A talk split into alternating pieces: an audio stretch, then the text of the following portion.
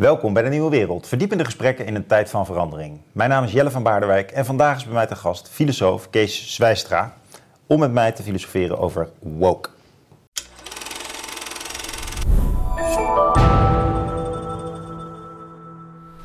Kees, leuk dat je er weer bent, nu je een nieuw boek Ja. hebt. Twee jaar geleden. Oh, is het alweer twee jaar, ja? Ja, ongeveer eh, precies. Eh, ook september. Oh ja. Nou, Dan eh, in de coronatijd. we moedigen de kijkers aan dat het te gaan terugzien. Je hebt een nieuw boekje. Ja, Je geeft ook wel met enige bescheidenheid aan in de inleiding dat je nou niet wist wat je moest gaan schrijven, dat het toch een boek werd. Een boekje, Ja. maar ook wel spannend thema. Woke en Ja. anti-woke. Het woke theater. En ehm, ja, het is een genuanceerd boek, hè? Dus je probeert toch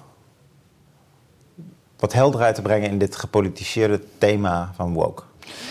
ja dus enerzijds denk ik wel eh, helderheid, maar het is ook wel, ik, ik zeg dat in het begin ook wel, het is ook wel een essay.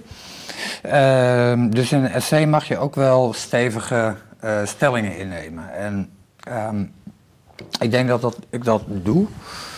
Ehm, en dat dat ook, ja, het debat nodigt daar ook toe uit. Hè. Mensen zitten daar, heel, ik zeg het ook ergens, mensen zitten hier heel geharnast in. Mensen zijn heel erg, nou, dat is altijd een beetje discussie of er nou echt wel mensen zijn die zich heel erg woke noemen. Maar oké, laten we dat even aannemen. Maar in ieder geval zitten er ook vanuit de anti-woke kampen mensen hier heel geharnast in. Hè. Dus je wil, ehm, ja, je wil hier tegen uitspreken, je wil als het ware niet mee in de woke-gekte, zoals dat vaak gezegd wordt. En dan, dan denken mensen aan filmpjes van, vaak filmpjes op YouTube, van bijvoorbeeld Jordan Peterson, hè, die bekende eh allesweter, die ehm, zich dan uitspreekt tegen eh, mensen die ja, eh, gekke dingen willen. Voornaamwoorden die veranderd moeten worden. En, ja, en de anti-wokist, om het zo maar even te zeggen, die spreekt zich daar tegen uit. eh, omdat hij voelt van ja, mijn normaliteit eh, staat onder druk. En dat wil ik niet. Dus die, die, dit is echt een debat waar mensen heel existentieel, heel geharnast in staan. En, ehm, ja, en daarom ontkom je denk ik niet helemaal aan ehm, ja, het op een bepaalde manier meegaan in de toon van het debat. Dus ik. ik eh, Ja, ik vind, wel, ik vind dat je wel behoorlijk cool blijft. Hoor. Oh, maar, maar, maar ik ken Oké. natuurlijk ook wel misschien weer meer dan jij eh, radicale bronnen. En eh, Jordan Peterson beschouw ik niet als een allesweter, maar als een groot geleerde. met inderdaad hier en daar zeker... alleswetende trekjes. ja, Ja. ook in de negatieve zin van het woord. Dat hij zich daar ook uit, over gaat uitspreken, dat klopt. Ja, ja. Maar ehm eh, woke, hè? Laat, laten we gewoon even beginnen met eh, van hoe jij het begrijpt. ja. Ja, wat, wat, wat, je- jij, bent, jij bent hier ingedoken, dus Ja. ja. wat, wat, wat, wat, ik, ik, ken het, ik ken de woordenboekdefinitie uiteraard. woke is iemand die streeft naar... eh woke is streven naar een meer rechtvaardige wereld. Ja, sociale rechtvaardigheid. Hè. Ik, Ja. Nou, dat doen we Eh, allemaal. Of althans, dat doen heel veel mensen. En toen kwam die woke-beweging op. eh, ja, En kreeg dat begrip vleugels. ja. En werd het eigenlijk een woord voor een moralist. Ja, zo, ja, dus daar, daar raak je denk ik al, al meteen een belangrijk punt. Dus wat, wat woke is, hoe het gedefinieerd wordt, dat is vaak, ja, komt dat, is dat, of komt er uit het anti-woke kamp, eh, zou je kunnen zeggen. En dan, ja, staat eh woke voor ehm, een, een aanslag op het normale eh, Nederlander zijn, zou je kunnen zeggen. Een aanslag op eh, onze vrijheid. Hè. Dus woke wil allerlei dingen die ons onvrij maken. Dus die willen dat je bepaalde dingen niet meer kunt zeggen. Of die willen dat eh, bepaalde standbeelden uit de publieke ruimte verdwijnen. eh. En wat ook heel vaak gezegd wordt, is dat zijn eigenlijk twee dingen. Ehm, hè, dus het normaal zijn, de vrijheid. En dan een derde ding wat vaak gezegd wordt, ja, woke.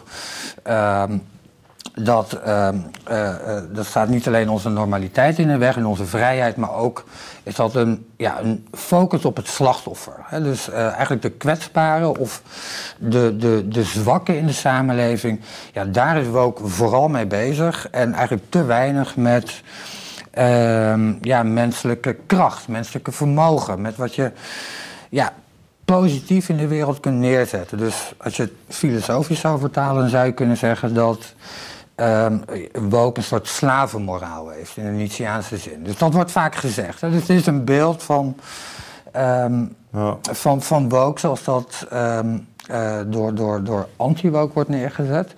Maar daar, daar ben ik het niet mee eens. Hè. Dus ik probeer um, met een andere opvatting te komen. En uh, wat ik vooral probeer te doen is weg te blijven bij het idee dat woke iets radicaals is uh, in een niche van de samenleving.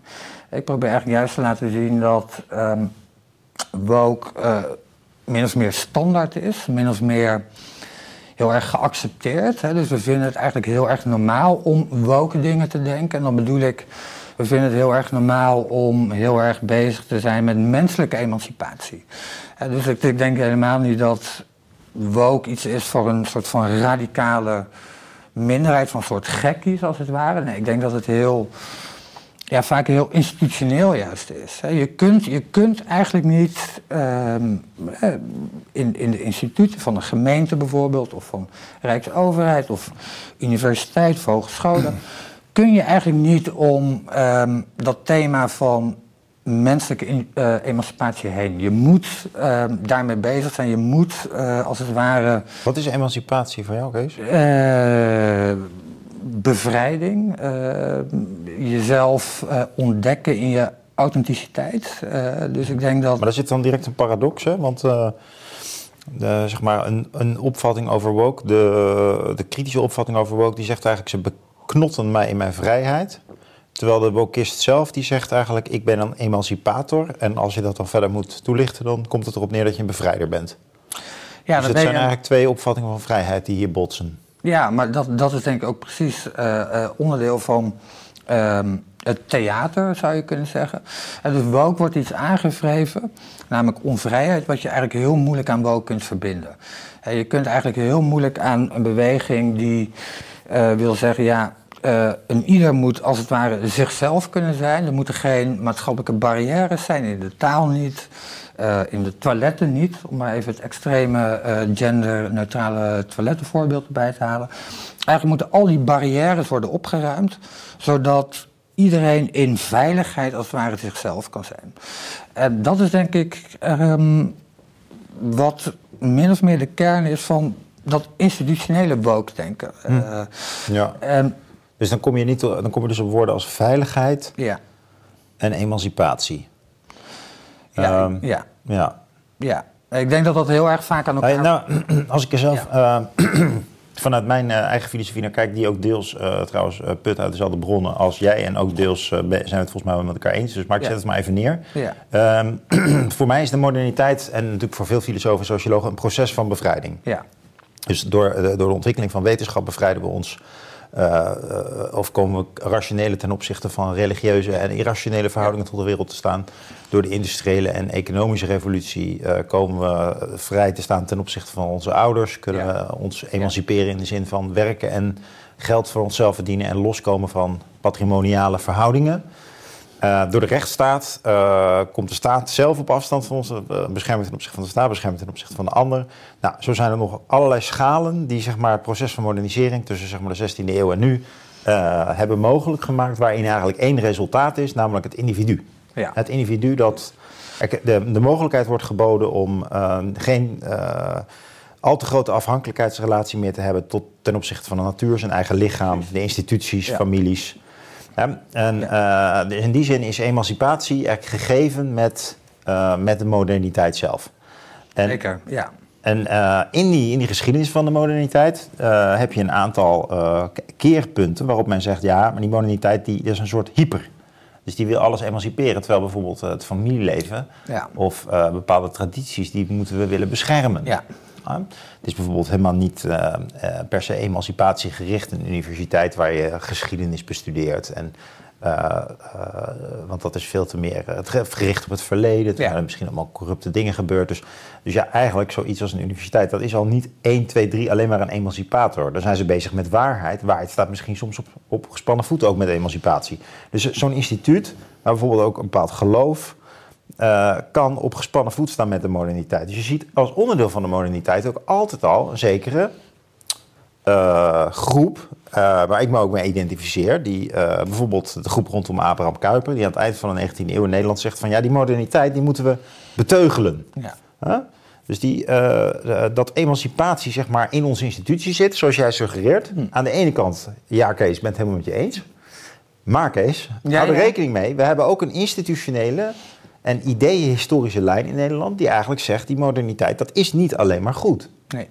Je moet ook bepaalde dingen, bijvoorbeeld het familieleven, beschermen. Uh, emancipatie is niet per se het familieleven beschermen. Uh, de, de, de, markten die moet je eigenlijk uh, beteugelen.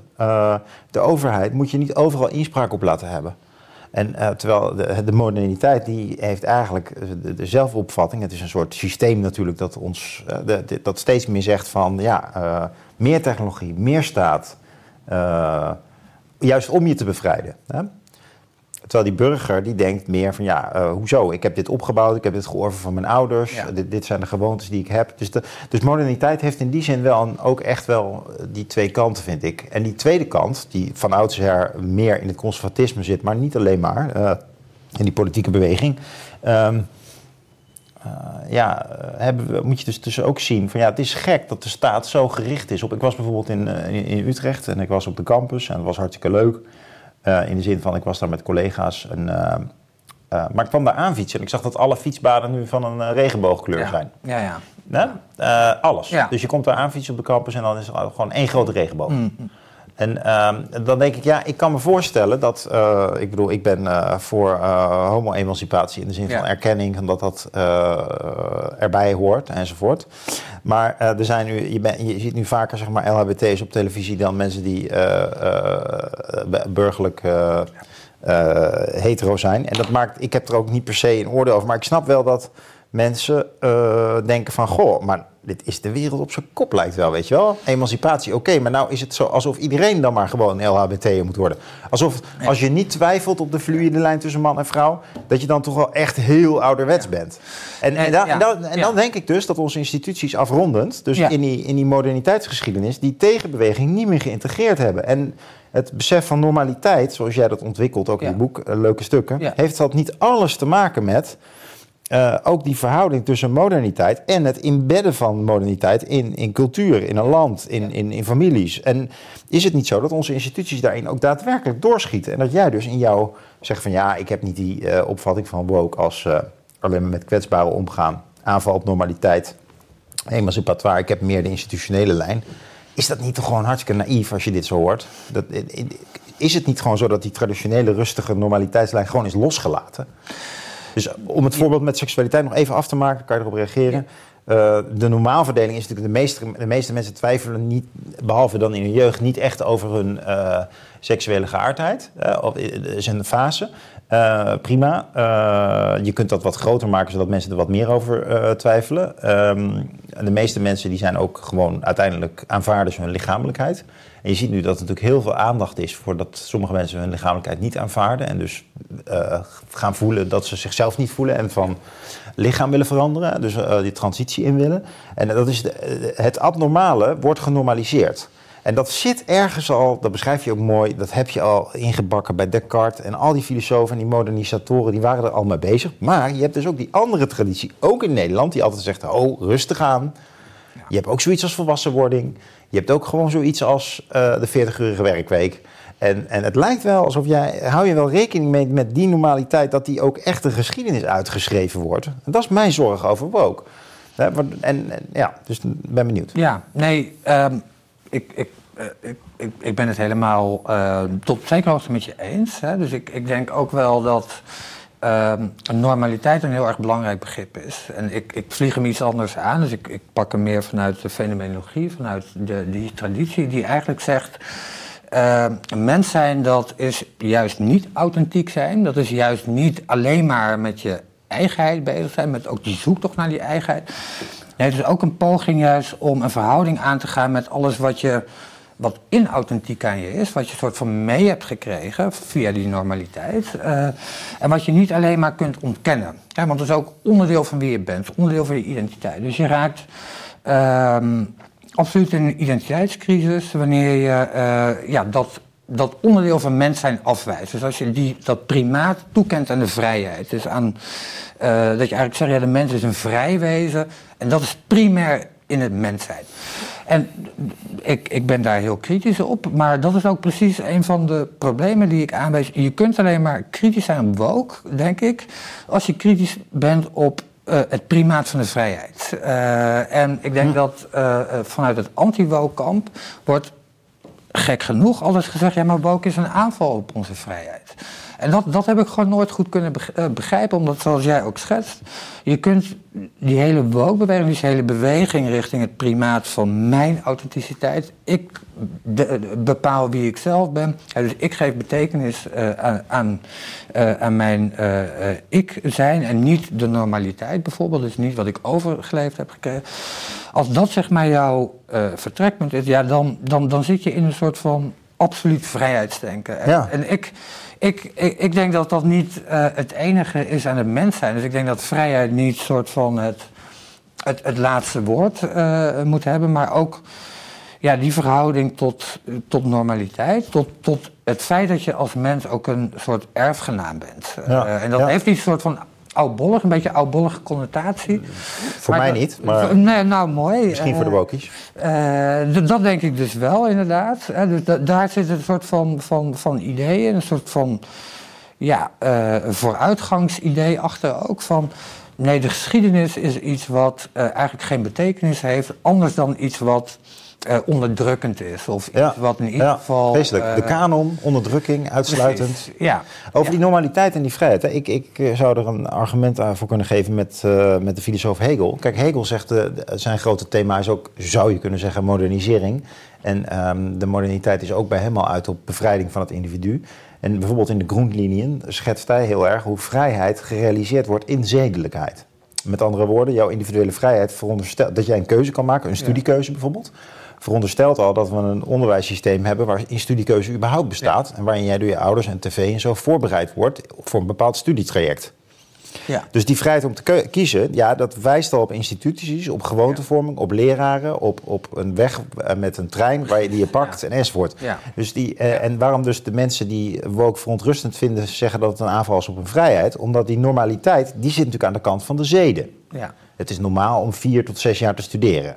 Dat is een normaliteit. Ja. Het is natuurlijk arbitrair. Hè? Vroeger was het zeven of zelfs tien jaar voor de boomers. Dus het is veranderd. Het is ook niet... Uh, Plato, Plato zei dat je 50 jaar moest studeren. maar het is op een gegeven moment een normaliteit. Nu heb je een, een normaliteit dat het studentenleven zit op een bepaalde manier in elkaar. Met een bepaalde verhouding tussen man en vrouw. Ja, um, en uh, zo is er ook de normaliteit van volwassenwording, waar een van de grote uitdagingen van is uh, ja, de rietenpassage van uh, puber en adolescent en van adolescent naar volwassenen. En een van de dingen die daarbij hoort is vertrouwd raken met je eigen lichamelijkheid. En uh, het ontdekken van wat het, andere, wat het lichaam van het andere geslacht voor jou uh, betekent. En daar uh, mee in het reinen komen. nou, je ziet dat we daarin, in die normaliteit, ja, dat, is, dat, die, dat vinden we abnormaal. Dat, zoals we dat vroeger deden. Dat vonden we wat jij zegt, ouderwets. En, eh, dus die, en er zijn mensen die voelen dat als een aanval op hun vrijheid. En dat denk dat ze dat goed voelen. Maar, omdat hoe, maar hoe gaat dat argument dan? Want dat vind ik toch echt moeilijk in te zien. Dus bijvoorbeeld hè, dus het genderneutrale toilet, dat het, dankbare woke. Uh, je hebt het zelf ook uh, een keer geanalyseerd. een keer geanalyseerd. Uh, en dat speelt ook echt wel. Hè. Ik werk aan de Erasmus Universiteit en we hebben sinds kort genderneutrale toiletten. Waar ja. eigenlijk je zegt dat in, je, in, in, in, in, jouw lezing ook. Eigenlijk is er niemand er echt blij mee. Ook op de ur niet. Maar goed, um, dat, ik zie dat. Uh, en volgens mij zeg je dat zelf in die lezing ook. Ik zie daar niet een soort van uh, aanslag in op, op mijn vrijheid. Maar ik zie juist een soort van versacralisering, zou je kunnen zeggen, van het individu. Die niets in de weg gelegd moet worden om maar zichzelf te kunnen zijn. Ja. Dus ik zie juist eigenlijk in, in die hele woke-beweging een, een soort van ja, culminatie, zou je kunnen zeggen, van secularisering. Namelijk, um, ja, goden hebben we niet meer, het goddelijk is niet heilig meer. Nee, de mens is heilig. Ja, en, en, en, en, en dan de mens in zijn, uh, in zijn hoofd. Dat zegt u ook in, die in, die lezing. Dat het, het, want het lichaam is niet meer heilig. Het lichaam moet veranderd worden. Nee, want in, je, in de vrijheid zit in je denken. dus dat, dat, dat, is, dat, dat is ook het moderne eh, eraan, denk ik. Dus die, die miskenning juist. Ja. Of, of in ieder geval de gedachte dat je ehm, ja, als, als denkend wezen de werkelijkheid beheerst. Hè? Dus Ja. daar ook Ja, eh, de, de... en ook manipuleert, dus beheerst echt Ja. letterlijk. Ja, precies. Ehm, Maar je, je zegt het mooi, hè? maar als ik nou even met Hegel op de wc ga zitten en met jou eh, doorklets, dan zou ik zeggen van kijk, eh, die wc die heeft dus een zekere normaliteit, die maakt dat we ons juist vrij voelen. Dus de wc is voorspelbaar. ja. Het is natuurlijk iets van eh, een, een, een eh, moment van, eh, van geheim, van anderen zijn er niet bij, klein hokje. Eh, het is ook eh, eh, maar kwetsbaar, dus het zit dicht. Ja. Ehm, je kunt even bij jezelf zijn, er gebeuren dingen. Het heeft te maken met hygiëne. Met, Ja. En dus, een, een- ik zou bijna zeggen Hegeliaans gesproken. het is ook een moment om een Zizek-grapje te tappen. Maar de, dus de juiste voorspelbaarheid van de zedelijkheid... die gematerialiseerd is in het toiletgebouw en het universiteitsgebouw... maakt jou vrij. Ja. Jij hoeft daar niet mee bezig te zijn. Het is eigenlijk een uitdrukking van de instituties... die het mogelijk maken dat jij even snel naar de wc kan. Terwijl vroeger was het veel meer een gedoe, moest je je voor schamen. eh, en nu is het ook, het is ook helemaal geautomatiseerd. Je hoeft op de wc ook niet na te denken. Je hoeft ook geen hoi te zeggen. Kan wel, hoeft niet. Eh, het is soms ook voor mannen. Vrouwen begrijpen dat volgens mij minder. eh, maar ma- mannen staan ook echt heel dicht bij elkaar. Hè, bij die, Ja, dat bij die pisbakken en zo. Maar dat is gewoon wel, ja. is volledig cultuur geworden, Ja. toch? Dus, dus dat geeft weinig gevoel van chaîne, hoewel dat toch... eh, dus dat is, dat is die normaliteit. Ja. Nou, die ga je dan ondergraven. En waarom is dat een aanval op de vrijheid? Nou, letterlijk omdat je dan op de wc komt en moet gaan nadenken. Hoe zit het ook weer? Er is ook een vrouw hier. Eh, dat is ook vreemd. Ben ik hier verkeerd? En dat, Ja. dat, en dat roept bij iedereen natuurlijk die vragen op van... ja, oké, wat is eigenlijk het verschil tussen man en vrouw? En dat willen die wokies graag. Dat we allemaal eh, gaan, gaan nadenken over het twijfelen over onze lichamelijkheid. En dat is eh, wat, eh, wat voor een deel natuurlijk ook wel prikkelend. Voor een ander deel is het dus voor mensen een aanval op hun vrijheid. In de zin van, ja, het vanzelfsprekende wordt nou lek geprikt. Ja. Waardoor je dus daarmee krijg je, ja, zit je er toch met iemand anders op de wc. Ja, nou, nou ja, zo, dus zo zie in die Ja, zin ja, zie ik de samenhang tussen, tussen vrijheid en zeden wel. Ja. Nou, ik, eens op zich, hè, maar ik, ik, ik, ik denk ook wel dat, dus zeg maar, eh, je ziet vaak ook wat effecten van dit soort technologische ingrepen zijn. En we zijn natuurlijk ook een technologie, eh, als die er eenmaal is. Hè. Dus ik sluit, Ja. ik sluit ook niet uit dat, eh, dat ze ook weer verdwijnen om, om, om dit soort redenen. Maar ik denk dat het nu bon ton is om het over eh, toiletten te hebben. Wel vanuit een primaire vrijheidsgedachte, dat denk ik althans. Vanuit die, dat, nogmaals, dat, dat idee van. Ehm, eh, eh, ja, in, in, in een gedesacraliseerde wereld is het enige soort van totem wat nog overeind staat de mens. En die, die moet eigenlijk niks in de weg gelegd worden, zodat die zich in vrijheid zichzelf kan ontwikkelen. Dat zie je ook wel vaak in, in, in die, die onderwijsgedachten over eh, een veilige ruimte creëren. Ik, ik ridiculiseer dat een beetje in, in dat boek. Althans, eh, het tamboureren op, op die safe spaces, wat je veel vanuit die anti-woke hoek ziet. Maar als ik eerlijk ben, je komt ze wel tegen. Dus dat, dat, die gedachte over die veilige ruimte kom je absoluut wel tegen in het Ja. onderwijs. Ik heb er zelf ook al mee te maken. En ehm, daar zie je volgens mij heel sterk dat idee achter. Ehm, je moet voorkomen dat je dat heilige individu soort van aan kunt tasten of, of iets kunt eh, bekritiseren. Of, want anders kan dat individu zichzelf niet zijn. En dat, dat, dat, ja, dat is een soort heiligschennis. Eh, Dat kun je niet doen. Dus zo, zo, zo zie ik zeg maar die, dat vrijheidsdenken van woke. Eh, en, eh, ik vind het ja. een hele eh, elegante duiding hoor. Die, eh, dus dat, eh, de, de- de val- je kan het nog verder aankleden, doe je in je boek deels ook. En eh, ik op mijn manier, maar dat vind ik op zich een elegant. Dus jij zegt eigenlijk van ja, het individu zelf, dat wordt het totem, dat wil zeggen het super aantrekkelijke, het heilige. Dat is en, eh, ja, die keuzevrijheid van het individu. Daaromheen moet je de wereld gaan reorganiseren.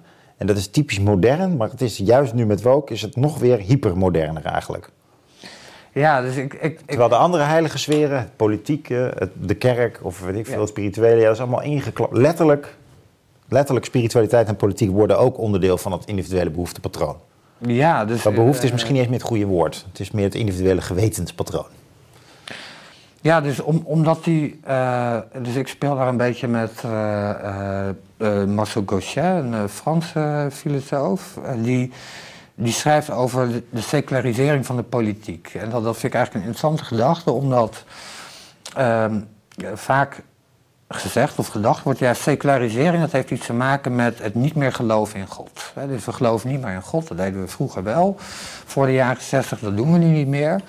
Uh, en dus zijn we geseculariseerd. Uh, en hij laat eigenlijk zien van, ja, maar secularisering is veel breder. Hè? Dus het is eigenlijk het afwijzen, zo, zo omschrijft hij dat, van, met een moeilijk filosofisch woord misschien, maar van elke heteronormativiteit. Dus van elke wet die niet uit mezelf afkomstig is. Ja. Uh, en als dat secularisering is, dan zie je opeens van, ja, maar dan is het veel breder. Want mensen onderschrijven ook het gezag niet meer van de normaliteit. Uh, even nog begripsopheldering. Ik weet niet of ik je nou goed hoorde, want je kunt hebt dat, die, die, die wokers die praten ook graag over heteronormativiteit, maar jij zegt heterogeniteit, hè? Oh, sorry, ja, dat is... Ja. Of dat bedoel je? Uh, ja, misschien hoorde ik je nou verkeerd, hoe haal nee, ik het door elkaar? Niet, uh, nee, omdat dat ook echt zo'n woke-term is, ja. heteronormatief. Ja, want uh, Gauchet die heeft het daar al over? Nee, nee, nee. Je bedoelt, want autonoom, als iets niet Precies. autonoom, dan is het natuurlijk he heterogeniteit.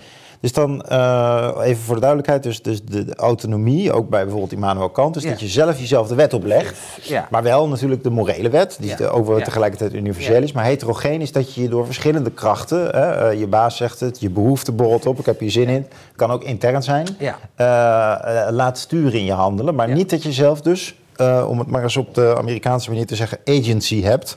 Uh, waarin je zegt van ik stuur hier. Nee. je gaat weer, ik ga nu hier naar luisteren. Daar. Dus dat is die heterogeniteit. Ja. En wat zegt Gauchet dan over? Nou, Gauchet zegt verbind dat aan de notie van secularisering. Dus, uh, wat hij eigenlijk zegt is geseculariseerd zijn is het afwijzen van het idee dat je onderdeel bent van dat soort, nou heterogeen, maar hij gebruikt wel het woord uh, heteronoom, dus niet heteronormatief, ja. maar heteronoom, ja, ja. als tegengesteld aan autonoom.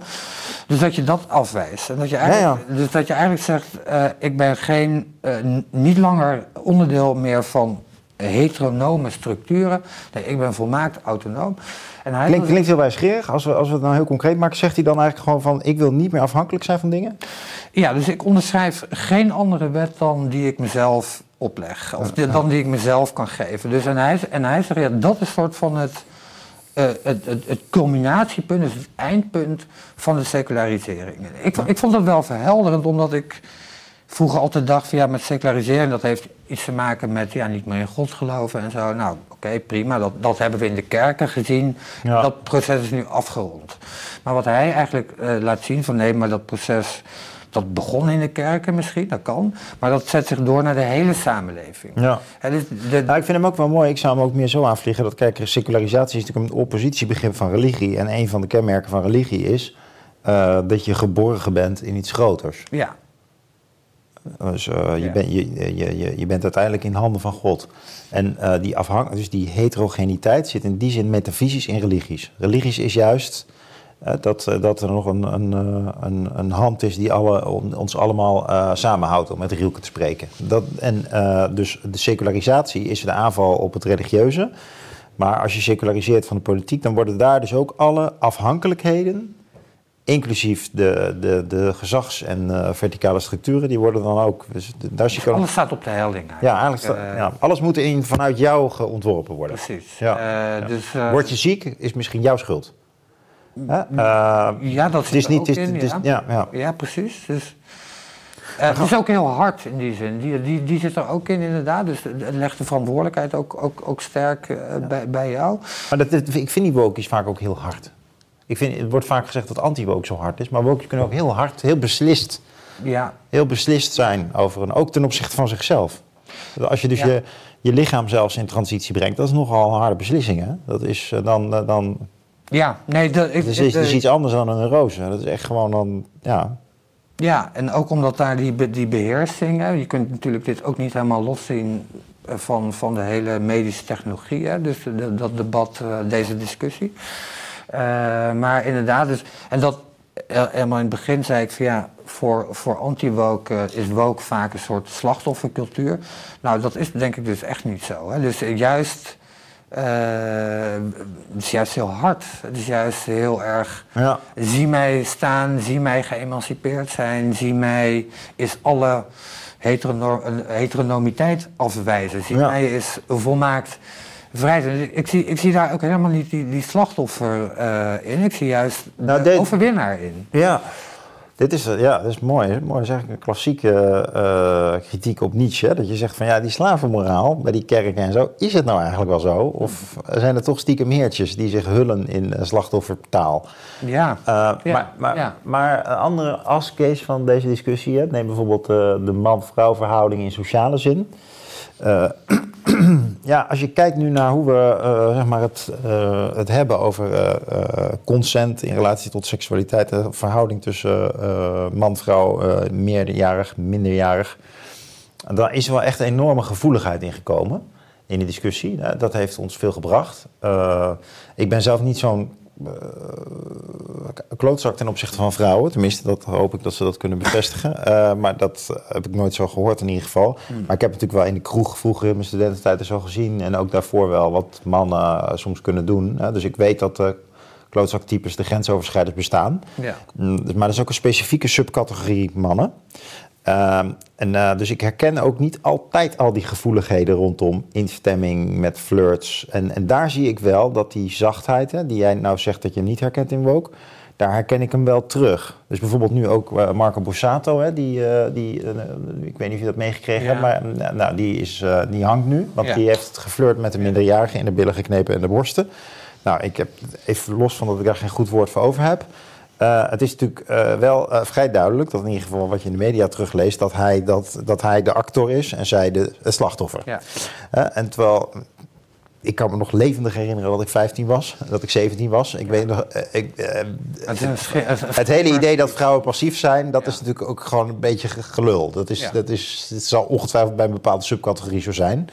Maar eh, we hoeven niet op deze casus in te gaan Nee. En ik ga ook verder niet eh, Nee. zeggen dat die rechter eh, niet juist recht spreekt. Maar het is Nee. wel opvallend ehm, dat in die discussie over man-vrouw grensoverschrijdingen... Dat, dat, dat daar een hele grote gevoeligheid ten nadele van de man in komt.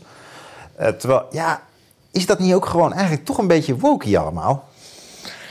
Ja, ik, ja, nou goed, kijk. De nuchterheid lijkt daar toch soms toch wel echt te missen. Ja, ook als je het nou, hebt over hoe studenten met elkaar omgaan. Dat je denkt van, joh, ja, be real. Als je op een dansvloer gaat dansen in een kort rokje... dan krijg je soms een pets op je billen. Is dat nou... Ga je hier een trauma aan oplopen? Of... eh, Ja, nee, dus dat, dat is een, dat- ik vind dat ook een, een lastige discussie. Je hebt dat ook gezien met die Spaanse voetbalbond. Ehm, maar ook daar vind ik dus wel dat. ehm, volgens mij was het de minister van Emancipatie of zo van Spanje. eh, die ook echt keihard was. Hè? Dus eh, het is echt een soort juridische eh, eh, verbintenis geworden. Van, waarin echt heel duidelijk sprake moet zijn van een. een ja, een contract. Van er moet duidelijk uit worden gesproken dat er consent is. Is dat er niet, is er geen eh, eh, consent en dan, dan ben je dus eh, strafbaar of in ieder geval aansprakelijk of wat dan ook. En zeg maar die juridisering eh, van, van sociale verhoudingen, ik, ik, ik zie het ook niet als soft, ik zie dat juist als keihard. Eh, als van... eh, als je niet ehm, Ja. met, een, met een contract omkleed document toestemming hebt om, om, om eh, een soort van grensgebied te betreden, dan, dan, dan maak ik je kapot. En ja, dat, ehm, ik, ja nogmaals, ik, ik vind dat juist keihard. Eh, en juist ook weer een soort van exponent van die sacralisering van dat individu. Eh, van als je aan dat individu komt, ja, dat is zo absoluut heilig, dan, eh, dan, dan, dan, dan, dan komen er gebeuren verschrikkelijke dingen. En nog los van, van dat ik het helemaal met je eens ben dat ehm, eh, eh, je dit, de grensoverschrijding, dat doe je niet en zo, dat, dat, dat is evident. Maar die juridisering van, Ja. van deze verhoudingen, want dat is denk ik echt wel waar het in ieder geval in die Spaanse casus heb ik dat een klein beetje al gevolgd. En dan, ja, dat, dat, dat is gewoon, dat, dat is denk ik alle perken te buiten. Hè? Dus Ja. dat is ook, ja, voor, Eh, zeker voor zo'n eh, Spaanse ma machismo-cultuur. Eh, wa- je ziet dat die woke-beweging, die is, die is heel cerebraal, heel erg vanuit het hoofd. En die, Ja. en die, die, die, die Latijns-Amer- Latijns- en Latijns-Amerikaanse landen al helemaal, die zijn natuurlijk veel lichamelijker. Dus daar is het kussen en met, met aan elkaar zitten en half flirten is al veel normaler dan in onze protestantse traditie. Dus Ja. dat, het zal wel rauw op zijn dak gekomen zijn bij de Rubiales. Ja. Eh, ja, ja, ja, ik vind het toch wel heel fascinerend, moet ik zeggen, wat je nou zegt over die hardheid. Ik, ik, ik moet zelf nog een beetje zit nog na te denken over die, die verhoudingen. Want je noemt het, waarom noemen we het woke? Hè? Omdat het iets met bijzonder wakker te maken heeft. Uh, dus het is weliswaar het etiket dat geplakt wordt door de critici. Ja. Nou, dat laat je ook wel terecht zien. Ehm, maar het is ook wel een dialectiek. Dus in de zin van, die mensen presenteren zich in hun zelftevredenheid en hun uh, autonomie ook. Uh, ze presenteren als: ik zie dit ook. Weet je wel? Jij ziet dit niet. Jij zit nog achter de sluier van onwetendheid. Dus ik snap ergens het etiket wel. Ja. En, maar wat betekent het nou wat ze dan niet zien? Ja, behalve dus die instituties waar we het over hadden, met als voorbeeld het toilet, is, zien ze dus ook die lichamelijke en die. Ja, intuïtiviteit en emotionaliteit van het lichaam zelf, daar is toch minder, gek genoeg, ze zijn er wel mee bezig, maar um, ja, ook bijvoorbeeld natuurlijk in een relatie tussen man en vrouw heb je natuurlijk, ja, het is natuurlijk ook, ja, waarom krijg je zin om met iemand te doen? Dat is de aantrekkingskracht op een lichamelijk niveau. En, en een contract zit natuurlijk meer op een wakker niveau. Dus ja, ja dat is, ja. Uh, ja dat, dat, dat, daar heb je meteen de spanning. Ja, ja precies. Ja. En, en daar lijkt het toch wel, uh, volgens mij in Spanje hebben we volgens mij wel echt een hele radicale wet op dat gebied. Ik weet even eerlijk gezegd niet hoe het in de Nederlandse context is, maar daar moet er echt een formeel consent zijn. Dus er moet echt van een contract. Uh, ja. Nou, Nederland lijkt me zo'n land waar je dan op een gegeven moment een verplicht appje stuurt of zo. Ja, goed. misschien zijn we ook al een beetje te oude mannen of zo, dat dat gewoon kan. Nee, ik bedoel, veel van die ontmoeten ze elkaar toch ook via de app. Dus dan uh, lig je in bed en dan een klik, klik. en dan heb je je consent. Uh, precies, ja. Het nadeel lijkt me ook, dan ben je eenmaal bezig en dan bedenk je. En dan wat? En dan zegt die man misschien, ja, maar ja, je hebt wel contract getekend. Ja, ja die kan, kan, ook tegen je werken. Het is natuurlijk heel heftig. Ja, ja. In, in, uh, nee, maar het is een beetje, kijk, uh, het is natuurlijk een soort van extreem uh, beeld. En het komt natuurlijk ook wel ergens vandaan. Ik, er zal ongetwijfeld een context zijn van grote grensoverschrijdingen en zo. Dus dat is ook, dat mogen we denk ik ook niet, niet vergeten. Maar ik denk ook dat je absoluut dat je dit niet los kunt zien van wat de essentie is van een seculiere samenleving, zoals de onze. namelijk dat het individu sacraal is geworden. Uh, en, uh, in zijn hoofd vooral. Dus die lichamelijkheid, dat is uh, complex. dat vind ik ook onderdeel van woke. Dat voegde ik er net een beetje aan toe. Van. Dus, ja. Ik deel die analyse met je. Vind ik mooi opgeschreven. Maar moet je dat niet nog meer recht doen? Dat de woke toch ook een afstand tot zijn lichaam heeft gekregen. Een hele ingewikkelde relatie tot zijn lichaam. Terwijl er niet, de gewone burgers, in de normaliteit is dat helemaal zo'n issue niet, lijkt. Nee, nee, ja, goed, dus ik, ik denk, dat deel ik helemaal met jou. Dus dat, um, dat, um, dat je dus, dus niet los kunt zien van het, het, het moderne denken. Ja. Uh, waar sowieso die, die nadruk ligt op uh, het menselijke denken als het controlemechanisme bij uitstek. Uh, en daarom, ik, ik zeg dat ergens ook, je hebt recent een uh, boek gehad van Susan Nyman, uh, Links is niet woke. Waarin ze dan, um, zoals zoveel, probeert te zeggen: ja, maar uh, woke is niet waar de verlichting ooit voor stond. dat doen ze misschien wel alsof dat het geval is, maar dat is niet het geval. en we moeten weer terug naar de verlichting. En dan denk ik: ja, maar dat is gewoon onzin. in de zin van waarom is het, zeg eerst eens waarom het volgens haar geen. Ik ken dat, bedoel, ik heb het boek wel eens in liggen, ik kan niet alles lezen. Dus uh, wat, wat, wat is het argument? Waarom is het niet verlicht? Ja, omdat, omdat uiteindelijk zal zij zeggen dat verlichting uh, draait om het bereiken van een soort universeel standpunt. Hè. Dus verlichting draait de, de Kantiaanse verlichting. Zij is heel erg fan van Kant. Uh, uh, en woke is een terugkeer naar iets tribaals. Hè. Dus je wijst eigenlijk juist um, dat universele af en, en, je gaat terug naar het tribale. En dat, ja, dat uh, dus het tribale van ja, in, in jezelf zitten of in je gelijk zitten of in hmm. uh, je. Nou, in ieder geval wijs je het idee af dat, er, dat je jezelf juist moet overstijgen naar ja, een universeel niveau. En, dat, en zij zeggen, ja, woke is dat tribalisme en, en de verlichting is daartegen. Hm.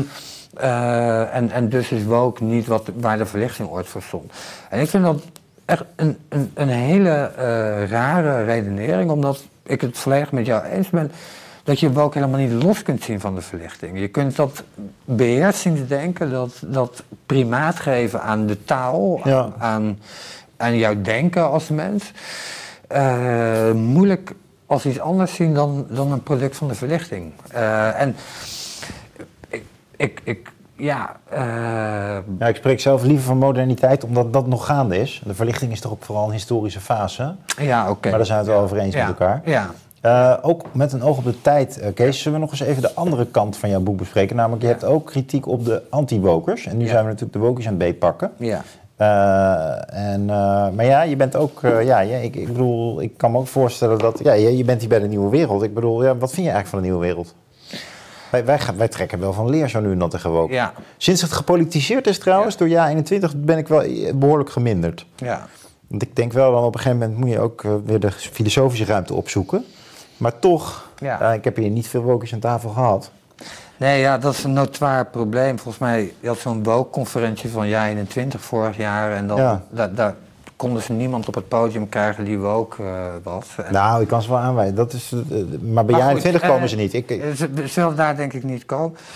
Eh, ja, kijk, wat, wat ik wel vind is dat... ehm, ehm, het, het, ja, ik, ik zou het toch een zwaktebod vinden als je je identiteit, en dat is denk ik bij jaar 21 sowieso het geval, ontleent aan het verzet tegen iets. Hè? Dus dat je zegt, ja, wat Ja. wij zijn, wij zijn in ieder geval niet anti-woke. nou, Eh, en en dat, ehm, dat vind ik eigenlijk een verraad, denk ik, aan, eh, aan, aan de vrijheid die je als mens hebt om ehm, iets positiefs neer te zetten.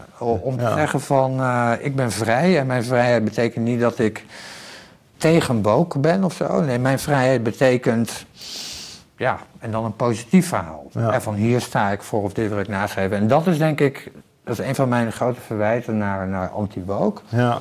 dat eh, het anti-woke zijn een soort van ehm, ja, verhulling ook is eh, voor een soort van onvermogen om positief vorm te geven aan vrijheid. Ja, weet je wat interessant is? Als we nou kijken bijvoorbeeld naar academische debatten over geschiedenis. Hè, wat mij echt opvalt is dat er echt heel veel onderzoek wordt gedaan naar onderdrukking, uitbuiting, kolonisatie. Allemaal waar ze tegen zijn. Ja. Wat allemaal niet modern was, waar ze Ja. kritiek op hebben.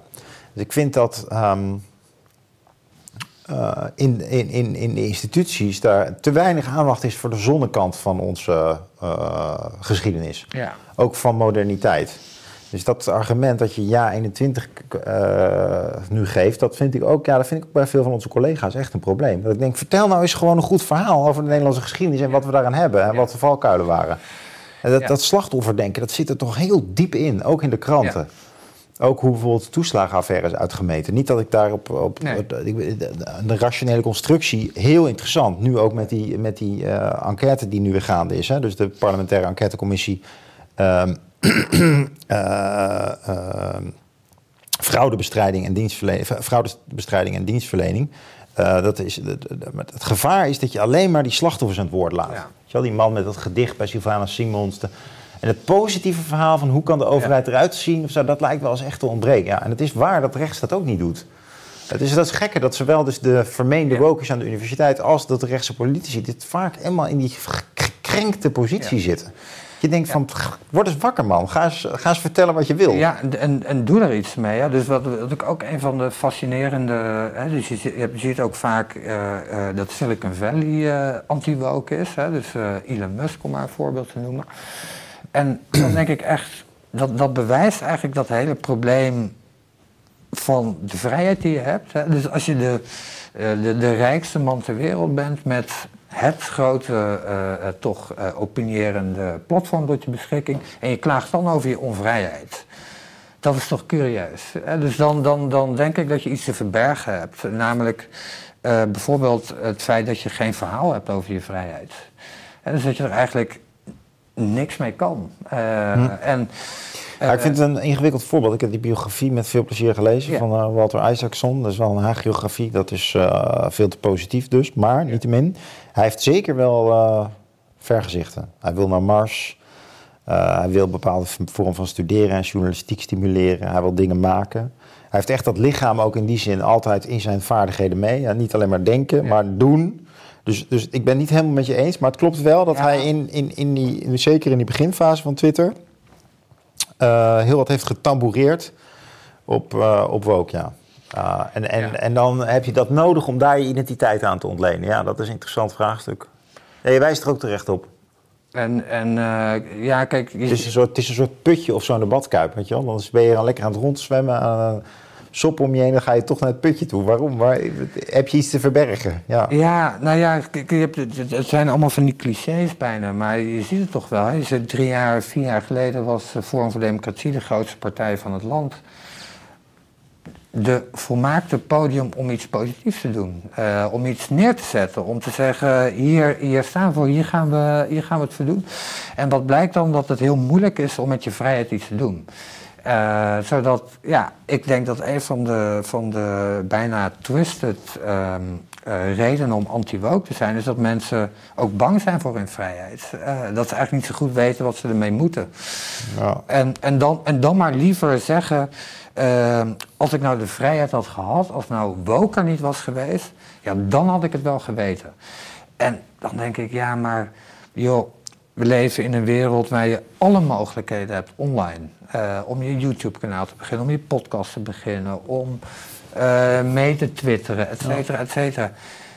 Eh, waar, waar is die onvrijheid? Eh, Dat vind ik een hele, vind ik een hele lastige. En, en dat is wel echt een heel groot anti-woke ding om, om, om te waarschuwen voor de vermeende onvrijheid die, die, die er wel eens zou kunnen komen. Terwijl ik denk, Ja, ik ben, ik ben het dubbel over. Ik vind het wel heel mooi dat je eigenlijk op... Je hint een beetje op de Erich Fromm thematiek, hè? Van eh, de angst voor de vrijheid. ja, En dan toch de vluchtheuvel van de ander maar gaan bekritiseren. Dat, dat is heel mooi. eh, dat je dat scherp ziet. Aan de andere kant vind ik ook wel dat je... Doe je nou recht aan dat gegeven dat... Neem ook bij Forum voor Democratie bijvoorbeeld. Dat zij zeggen, ja, de wereld is totaal ontgrensd. Ook het lichaam zelf. En de wokies zijn er op een bepaalde manier mee bezig, maar veel meer mensen zijn er mee bezig. Hè? Dus letterlijk ontgrenzing, Europeanisering, globalisering. eh, en ook ehm, eh, disciplines die worden losgelaten op scholen. Toetsing die los wordt gelaten, eh, migratiestromen enzovoort. Dus ontgrenzing is echt een, een decennia lang groot thema. Ja, zij zeggen eigenlijk die vrijheid die heeft te maken met toch weer zelforganisatie, autonomie terugclaimen in een territorium bij bepaalde mensen, in een voor hen prettige zeil. Ja, dat is toch ook wel heel creatief. Ja. Toch? Hè? De creatie in de beschenking zeigt zich der Meister, hè, zegt Goethe al. Dus het, je kan niet, het is niet een, alleen maar een frustibeweging. Daar zit echt wel vitaliteit in het zoeken naar van ja, wie zijn wij eigenlijk? En, ehm, en ik vind dan als je die Hegel erbij haalt, dat je zegt van maar juist in die zeden, bijvoorbeeld dat we het Nederlands behouden aan eh, universiteiten. eh, dat vind ik ook echt een, even een nastrevenswaardig doel, maar waarin je dus ook de vrijheid juist realiseert. Je het vrijheid om de- contact te kunnen blijven hebben met eh, mensen uit het verleden, omdat je nog in boeken kan blijven lezen. De vrijheid om in je moedertaal eh, je wetenschappelijk uit te drukken. Dus, en daar zie ik echt die samenhang tussen zijde en vrijheid. En vind ik, ga je dan ook niet. Dus ik zie die frustratiekant, ik zie die angst voor de vrijheid. Ik, ik vind dat een mooie diagnose.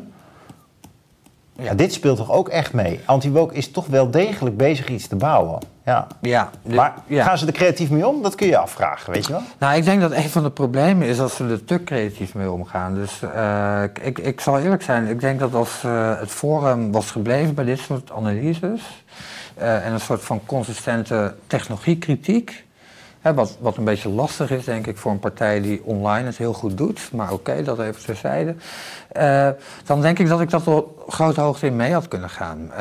Omdat ehm, ik denk dat het hele woke ehm, denken over ehm, die, die volmaakte vrijheid, hè, dus ook die grenzen mo- moeten er niet zijn. Dat, dat is ook een beetje een sleet verhaal. Hè, dat is de jaren zestig, eh, zeg maar, en dan nog eens een keer dunnetje over.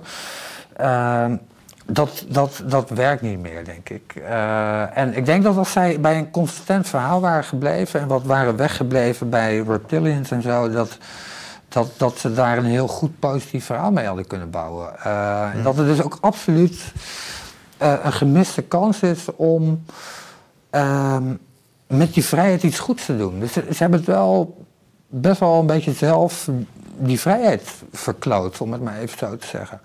En, en dat is denk ik wel heel erg jammer, omdat denk ik eh, fundamentele Ehm, vrijheidskritiek, als we ook al iets met vrijheid te maken heeft, ik denk van wel, dat dat zeer fundamenteel is. Uh, ja. nee, en je ziet het dus al bij mensen als Abraham Kuyper. dus het is een lange een lang, geschiedenis van vrijheidskritiek. Eigenlijk vanaf de Franse Revolutie heb je denkers die zeggen: hoor eens, ja. pas op de plaats. Ja, absoluut. Als jij nou zelf wat over jezelf kan vertellen nog, want ik vind het ook leuk om. In het boekje zitten nog leuke analyses, maar laten we die voor de lezer bewaren. Ja. Uh, als je nou voor jezelf nadenkt van ja, dat individualisme, dat ja, heeft jou natuurlijk ook in zijn greep. Intelligente wetenschapper die gewoon publieksboeken schrijft, je zingt je eigen lied enzovoort. Maar hoe, hoe probeer jij nou in een modern, vrij iemand te zijn die... Um, die toch ook rekening houdt met die dingen als uh, dat, je, dat je niet ontgrenst, dat je, dat je wel naar rechtvaardigheid streeft. Wat, hoe, hoe geef jij dat leven vorm? Waar zit hem voor jou de sleutel? Ook, ook omdat ja, je staat ook in de traditie van de filosofie. Dus ik ben benieuwd hoe jij dat voor jezelf verwoordt. Waar, waar, waar, put je, waar, waar eik jij jezelf op om niet een soort prestatiesubject te worden of een wokie of, of een, of een, of, of een uh, conservatief, want dat wil jij volgens mij ook niet. Dus wat, hoe, waar eik jij je op eigenlijk? Zijn het de boeken? Wat, wat... Ja. Nou, ik, ik, ik, sluit er het, het uh, essay mee af, in ieder geval het laatste hoofdstuk.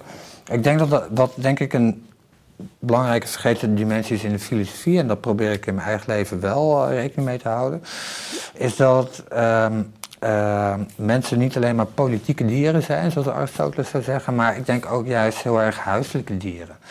Uh, en uh, dat, er is altijd heel veel dédain naar geweest in de geschiedenis van de filosofie, naar het huis. en ik denk dat dat onterecht is. Dus ik denk dat het betekenis geven aan je mens zijn, dat je dat ook heel erg doet in een kleine kring. Met familie. ik heb een kind sinds, uh, sinds de vorige keer dat ik hier was. En huisdieren, et cetera.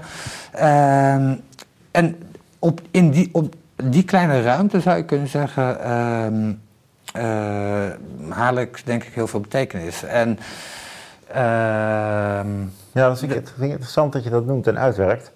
Ik zat er toevallig in relatie tot een toneelstuk dat ik met mijn vriendin zag, Revolutionary Road. Ah. dat is heel beroemd. over te filosoferen over burgerlijkheid en huiszin. Dat, voor de 60s generatie, dat is een, een, boek dat komt uit die tijd in een toneelstuk.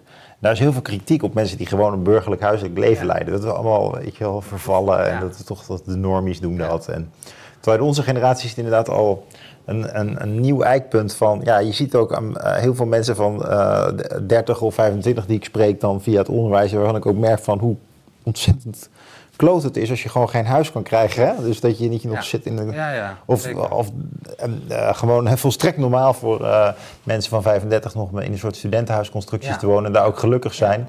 Maar ook eigenlijk wel uh, die huiselijkheid willen. En ehm, de, de terugkeer eigenlijk van de waarde daarvan. Terwijl de generatie voor ons, onze ouders en opa's en oma's, hebben daar natuurlijk echt een frontale aanval op geopend. Zeker. Zeker, met, ook met de globalisering en, en je kunt uh, vandaag uh, woon je in, uh, in van mij part Amsterdam en morgen in Dublin, zeg maar. Ja. De, die, die notie van ontworteling, dat, dat is denk ik een van de ja, problemen. En daar, daar hebben we het als het ware ook niet zo graag over, omdat ja, sinds de jaren 60 we ook wel een gezond uh, dédain ontwikkeld hebben naar het huis. Hè. Of een gezond, ik denk een ongezond, maar er is heel veel dédain, denk ik. Ja. Dat is oudbollig en, en uh, dat is ook een beetje de, de avonden van Reven. Jij hebt volgens mij ook een Reven-liefhebber uh, wel. Vast stijl wel, zijn die lees me minder ja, verder? Nee, ja, maar de avonden is een soort van, van haatboek over thuis. Uh, thuis, uh, de thuis. Het thuis is vreselijk. Uh, dat is de verveling. Ja. Dat zijn de lange avonden. Dat, dat, dat is gewoon één treurnis. En um, ik, ik denk dat dat een, een misvatting is. Ik denk dat het huis helemaal niet treurnis en verveling hoeft te zijn, maar dat je daar ook heel veel betekenis schept. En dat bedoel ik niet mee dat je dan met een, met een uh, poes op de bank zit of zo, maar ook natuurlijk het huis als een plek waar je vrienden ontmoet, waar je de, de, wereld als daar. Maar dat zeg je, maar ik, een van de dingen die mij opgevallen is in de loop der jaren is dat uh, toen, ik, toen ik jong was, zeg maar tot mijn uh, 21 of zo denk ik, tot mijn studententijd wel zelfs. Uh, kwam je inderdaad bij mensen thuis en bij hun ouders en zo. Ja. En het is eigenlijk de klad ingekomen. En toen ging je geld verdienen, ging je koffie drinken en Ja. biertjes drinken. En nu, de horeca is ook echt, zeker onze generatie. Ja. Dus eh, mensen van tussen de 30 en 50 denk ik wel, die zijn echt eh, vergeleken met oudere mensen heel horeca gericht. Ja, Het, ik zou wel echt zeggen dat het huis ook uit sociale relaties weggeschakeld is. zeker, dat denk ik ook. Ja. Dat zou niet zo moeten zijn, zo bedoelde ik het net. Ja, ja, dat weet ik, weet ik. Ja, ja, ja. Ik deel meer een eh, observatie. Kijk hoe jij dat weer integreert. Maar inderdaad, kijk, het zou namelijk kunnen verklaren waarom het juist zo veilig en goed voelt thuis. Ja. Ja, het, het zou ook een opdracht kunnen zijn van zet je deuren weer open. Eh, want eigenlijk is het heel leuk om mensen langs je boekenkast of, of de- eh, langs je yogamatje te leiden. Ja, en absoluut. je kinderen voor te stellen. Want, want, Ja. eh, want eigenlijk is het de, de, de, isolatie van het individu past ook weer bij de isolatie van het gezin. Het gezin Ja. kan heel geïsoleerd zijn. Terwijl denk ik, nog geen 30 jaar geleden was het gezin veel meer open, vervlochten ook weer. Dus is in die zin het huis niet alleen de veilige, ru- veilige ruimte, maar de buurt. En, ja, ja, ja, ja. Maar dat is, Ja. het is allemaal, dat wijst ook allerlei onderzoek uit. Dat staat echt heel erg onder druk in Nederland. Zeker, zeker. En ook gewoon natuurlijk ja, hoe je in, in het huis bent. Hè? Dus eh, de hele consumententechnologie eh doorbraak van de afgelopen 20 jaar. En dat is natuurlijk een, een, ehm, een, een aanslag op, op eh, het huis. Hè? Dus denk aan thuisbezorgd.nl om het maar even concreet te maken. Of gewoon de, het idee dat iedereen nu in zijn eigen kamer op zijn smartphone TikTok-filmpjes zit te kijken. Ja. Dat, dat, dat zijn natuurlijk. ehm, Aan de andere kant is dat de huishoudeconomie daarmee ook... ja, je kan thuis je dingetjes doen. Eh, het hoeft niet meer in een winkeltje. Dat kan ook niet meer, omdat die eh, vuile pandenbezitters die pa- winkelpanden veel te duur maken. Ja. Maar de, de, eh, in, in kleinere steden, zoals, nou ja, kleinere steden... Dat is een beetje flauw, maar je ziet vaak in zeden als, weet ik veel, Zutphen of, of Dordrecht of zo... daar zie je nog wel mensen die met hun huisvlijt of met hun hobby's... een winkeltje kunnen openen, omdat Ja. het nog enigszins te berooien is. En dat kan in Amsterdam en Nijmegen eigenlijk slechter, hè? nee. En, en, eh, maar, maar dat is wel weer bij die, bij die oikonomia, kan dat weer wel gek genoeg. Dus je kan vanuit huis toch dingen gaan eh, eten gaan maken en Ja. bezorgen. Ja, er zit potentie in. Ja, dat zou. Dat zou ja, dat dus dat, dat vind ik wel het ja. dubbele. Hè? Dat Ja. thuisbezorgen is toch ook prettig. Want die Ja. winkelstraat is uitgeschakeld door die, door die processen van modernisering en financialisering. Ja. En daar kan je toch. Dus er zit wel ook potentie in om vanuit het huis nog meer te gaan doen. Dus ik zie ook in de Ja. toekomst wel om nog even helemaal los te gaan associëren. Je hebt niet echt meer bejaardentehuizen natuurlijk. Ja, dus, het zal, en, en dus wat gebeurt er met je ouders als ze ziek, zwak, oud worden, maar niet echt ziek? Ja, dan moet je ze misschien ook weer in huis gaan nemen. Dat was vroeger ook wat er gebeurde. Dus ja, kijk uit met die nostalgie rond het huis, want het, is het, Nee. kapitalisme en de maatschappij Ja. gaat ook binnenkomen. Dat, Ja, maar kijk, de, di- dit is denk ik wel altijd zeg maar, het, eh, het, eh, het, de belofte geweest van technologie. Van het maakt ons creatiever en zo. Maar ik denk wel dat er een soort van eh, eh, tendens is naar eh, de, ja, de McDonaldisering, zou je bijna wel kunnen zeggen, van deze ontwikkeling. Dus namelijk dat je ja, ehm, een, een paar grote spelers hebben de macht gegrepen, als het ware. En, en ja, die leveren producten waar, ja, die, die vind je wel lekker af en toe, zoals je een hamburger ook af en toe wel lekker vindt. Maar die end is het toch ook een beetje smerig. En, ehm, en ja, het voedt het ook uiteindelijk niet echt.